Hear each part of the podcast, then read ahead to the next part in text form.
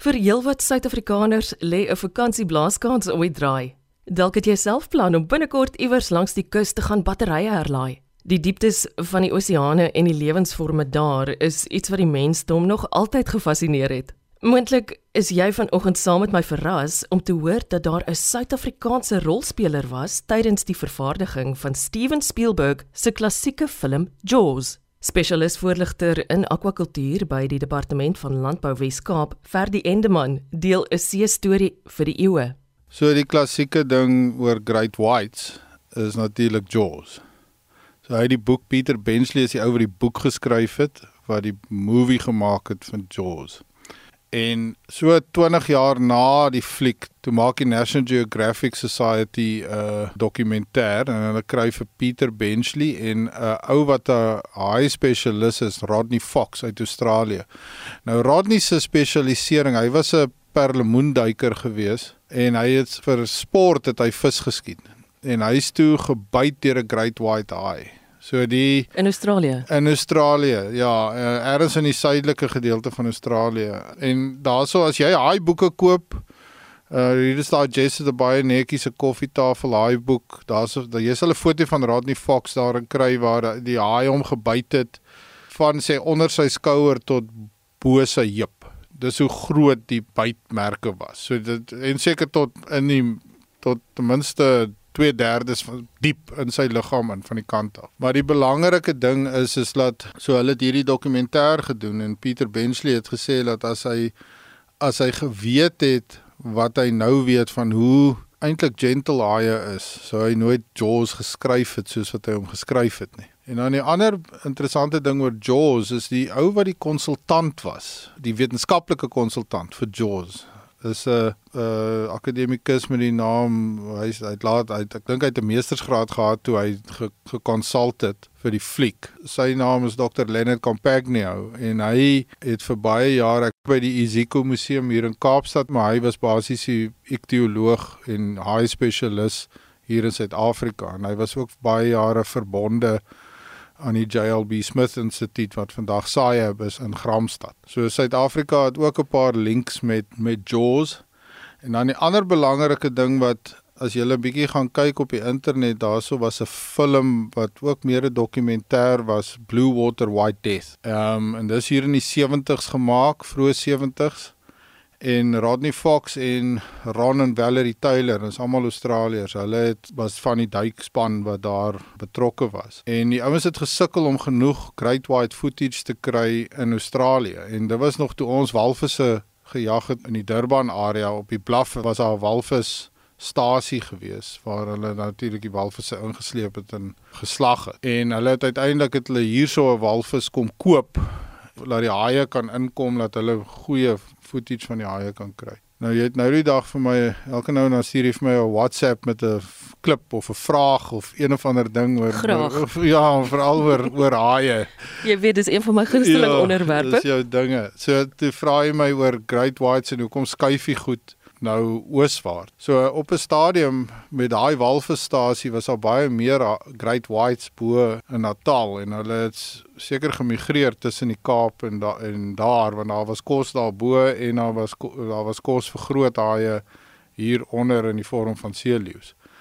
Wat tans gebeur is dat dit lyk asof ons haie ons groot wit haie, kom ons sê great great whites, hulle is besig om ooswaarts te skuif van dit is nou die teorie is dat daar's 'n paar orcas of killer whales wat spesifiek twee individue, hulle vinne 'n soort van links en regs gebuig. So die een is bakboord en die ander een is stuurboord. Uh -huh. So en hulle het begin spesialiseer om om groot haie te vang, dood te maak en hulle lewers te eet.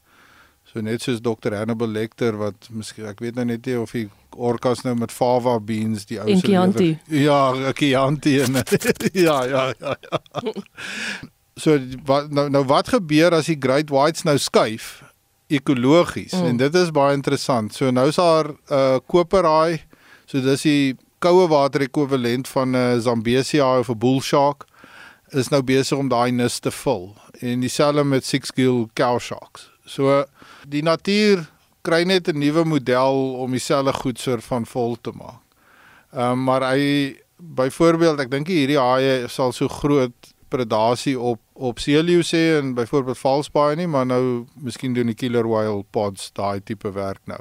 So ja, wat nou interessant is is wanneer jy 'n vis stok het. Met ander woorde enige spesies wat wat jy as 'n groep bestuur en jy begin dit tussen 2 of 3 lande se ekonomiese sones te bestuur dan bring jy bring jy 'n hoeveelheid kompleksiteit in hierdie storie in. Want nou moet jy byvoorbeeld 'n visspesies bestuur tussen Mosambiek en Suid-Afrika. Want die die vis voel boggerol vir mense se se grense en al sulke goed. Hy is in in ekologiese en geologiese tyd. Hy gee om vir radio sonder grense. Dit kan ek jou waarborg. is reg so. As as dit jou storie is, is dit reg. So as jy as jy byvoorbeeld hierdie groot wit haie wil bestuur, dan moet jy begin om allerlei treaties te volg ensovoorts. Dieselfde met byvoorbeeld die tuna, tuna vis, paalvisserye en so aan bestuur ons oor 'n hele paar nasies in die Atlantiese Oseaan en daar's ons een vir die Pasifik en so aan ook. So want jy jy moet kwotas en sulke goed instel om om om hulle korrek te kan bestuur. En dan moet jy inkoop hê van al die lande wat basies hierdie visse gebruik en vang. So ja, definitief interessant dat die enigste ding wat konstant is op planeet Aarde behalwe die dood en belasting is dat daar's dis verandering. So die goed verander die hele tyd en die dryfvere daar agter is ons nog besig om uit te vind. Wat interessant was oor Great Whites is dat in Kalifornië is daar nou 'n ek dink dis 10 teen 1 met aardverwarming, maar daar is 'n van die Monterey Peninsula af noordwaarts is daar 'n stroom warm water wat nou so van 'n permanente feature geword het. En dit maak dat jonger Great Whites in vlakker water langs die kus noord van Monterey by kom en daar's nou meer interaksie met seeotters. Daai cute goed wat almal so mal oor raak as jy baba seeotters sien. So daar's nou 'n as gevolg van die warm water is daar nou meer seeotters wat geëet word deur jong great whites. Met ander woorde, nou is daar meer weesseeotters. So daar's ons nee. allerhande sulke unintended consequences wanneer daar veranderinge plaasvind. En die rede hoekom dit net jong great whites is is apparently dat hulle kan nog nie hulle kan nog nie die koue water so goed hanteer soos 'n groot great white wat basies 'n meer bulky temperatuur profiel in sy liggaam het nie. So ja, ons het gepraat ook al oor hierdie van mense wat swem saam met haie en so aan. Uh daar's so 'n dame op die op die internet uh Ocean Ramsey, sy duik saam met tierhaie en ek dink daar was selfs van vanavond met 'n baie groot great white in Hawaii geduik. En ehm um, wat mense nie sien nie is die die ander mense wat saam met jou duik en natuurlik hierdie mense wat so met die haie interact. Hulle weet waarna om te kyk wanneer die diere gemaklik is en wanneer hulle begin om nie noodwendig aggressief te raak nie, maar minder gemaklik met die omgewing met met mense in die omgewing. So ek het al op scuba het ek al saam met eh, 'n vriend van my in in Natal geduik en hy het 'n charter besigheid en uh, hy doen free diving saam met tierraaie. Ek daar's daar's klips van hom waar hy aan die tier groot tier daai se dorsale fin vashou en sy sleep hom deur die water en so aan maar dit is duisende ure wat hy saam met die goed al in die water was en hulle liggaamsposisionering en al sulke soort van goed kan optel. So ja, mens kan saam met haie in die oop water interact. Sekere spesies is beet makliker as ander en ehm um, definitief 'n interessante ding om te doen, maar onder onder supervision.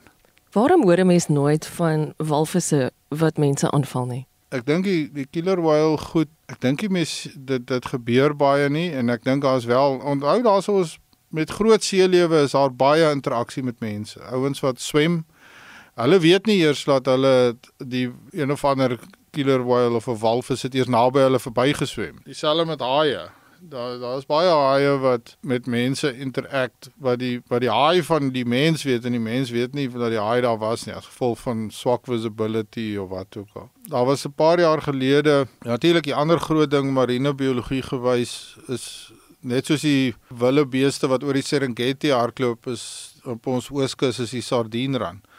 En daar was 'n paar jaar gelede was daar 'n geval waar 'n vryduiker, 'n freediver, hy's half ingesluk deur 'n deur 'n baleenwalvis, deur 'n bride's whale. En wat gebeur? Jy het nou die dag vir my 'n klip gestuur van 'n lot dolfyne wat soos 'n 1000 'n superpad wat rondom rondom 'n rondom 'n lot goed swem en daar's haie ook in die in jy sien die haaivinne en die voëls is besig om te duik en alles. So hulle is besig om die visse om die klein visse, die bytvis saam te jaag en dan in 'n wat hulle noem 'n bytbol en dan eet hulle nou basies die ouens op totdat daar nou niks meer van die bytbol oor is nie. Maar wat van die groot van die baleenwalvisse soos humpback whales en southern right whales, maar veral humpback whales wat hulle doen is hulle swem van onder af en blaas hulle 'n borrel gordyn soos 'n 'n sirkel en dit jaag die vis saam en dan kom hulle net in die middel op. So daarso sal daar's video klips daarvan ook waar jy twee of drie van hierdie ouens het wat die vis konsentreer met die bubble curtain en dan sluk hulle net die vis in van van middel af. En die duiker wat toe deur die die kleiner brides whale ingesluk is, of ten minste in sy mond 'n gedeelte van hom in sy mond was, was besig om langs die sardien ding te swem en toe kom die walvis van onder af op en hy sluk toe per ongeluk die ou uit. Kon hom dan net nie sy keel afkry nie want sy keel is nie groot genoeg nie. Toe spoeg hy hom nou maar uit. Hedendag se Jonah. Ja, ja bietjie van 'n sakker gewees. As jy as jy langs 'n lot bytvis swem en hulle daar's allerlei goed besig om hulle te eet, dan moet jy verwag dat jy dalk per miskien selfs net per ongeluk 'n hap gaan inkry van iets. Maar maar die belangrike ding is daai video klip wat jy vir my gestuur het, het die het, was die mens was die persoon besig om te sê ja, nee, maar die dolfyne is besig om teen die haie te werk en al sulke soort van goed. So mense probeer idees vorm uit hulle wat hulle uit 'n menslike oogpunt sou sien en dis nie so nie. Die die predatore werk nou maar net saam en hulle sal almal 'n voordeel trek uit hierdie ding uit. Maar ehm um, ek ek dink ek het al baie gehoor van van ehm um, wat die die Afrikaanse term is moordvisse, killer whales nie uh, wat wat mense byt of of so nie. Maar ek weet ek of so lekker of ek sommer so maklik in die water sal inklim saam met hulle nie. Daar's so weer eens National Geographic het hulle Daar's 'n plek in Suid-Amerika in Patagonië op 'n strand wat die die hoek is net reg en die walvisse kom uit op die strand en vang die baba seeleeu's. So hulle is beach hulle self, maar dis 'n baie styl strand. Vang die baba rob en dan trek hulle hom terug in die see. Daarso is 'n stuk video wat of film wat die wat die kameraman geneem het waar hy fisies in die water was. Nou die spesifieke walvis, die mannetjie killer whale se dorsale fin is baie hoog en reguit. En die ou daarso was 'n 'n gully, met ander woorde 'n dieper stuk stroom of 'n dieper gedeelte in die bodem wat hy kan opswem in op spoed om nou die rob te vang die baba robbe wat nou op die strand rondhardloop en die ou wat die footage onder water geneem het kan sien wanneer die walvis draai en hy til dan nou sy dorsale fin dat die robbe op die strand nie die die dorsale fin kan sien nie. En die ou met die kamera hy kan nou sien wanneer die walvis sy run gaan maak. Nou time hy dit en hy spring nou in en hy wys hy hy's nou die kamera want die balvis gaan nou hier voor hom verby swem en hy sê die toe hy so oorgaan en hy hou so aan die kant van die rubberdak van sy sê die laaste gedagte was wat die hel is jy nou besig om te doen jy weet en uh, die die gedeelte wat hy verfilm is die, jy kan sien die walvis is nou opspoed hy's gefokus op hierdie ding en hy kyk net so half wat gaan aan hierso met die kamera en hy's verby en hy die hy die rob gaan vang. So ja, ek dink ek sal noodwendig saam met 'n killer whale wil swem nie, maar ehm um, ek nog nie eintlik ook gehoor van mense wat gebyt is deur hulle. Spesialis voorligter in akwakultuur en iemand met 'n gety van kennis vir die endeman. Luister weer na hierdie en ander stories. Deel dit dalk met iemand anders ook. Laai dit maklik af van www.rsg.co.za. Dankie vir die saamkuier vanoggend. Ek is Eloise Pretorius. Totsiens.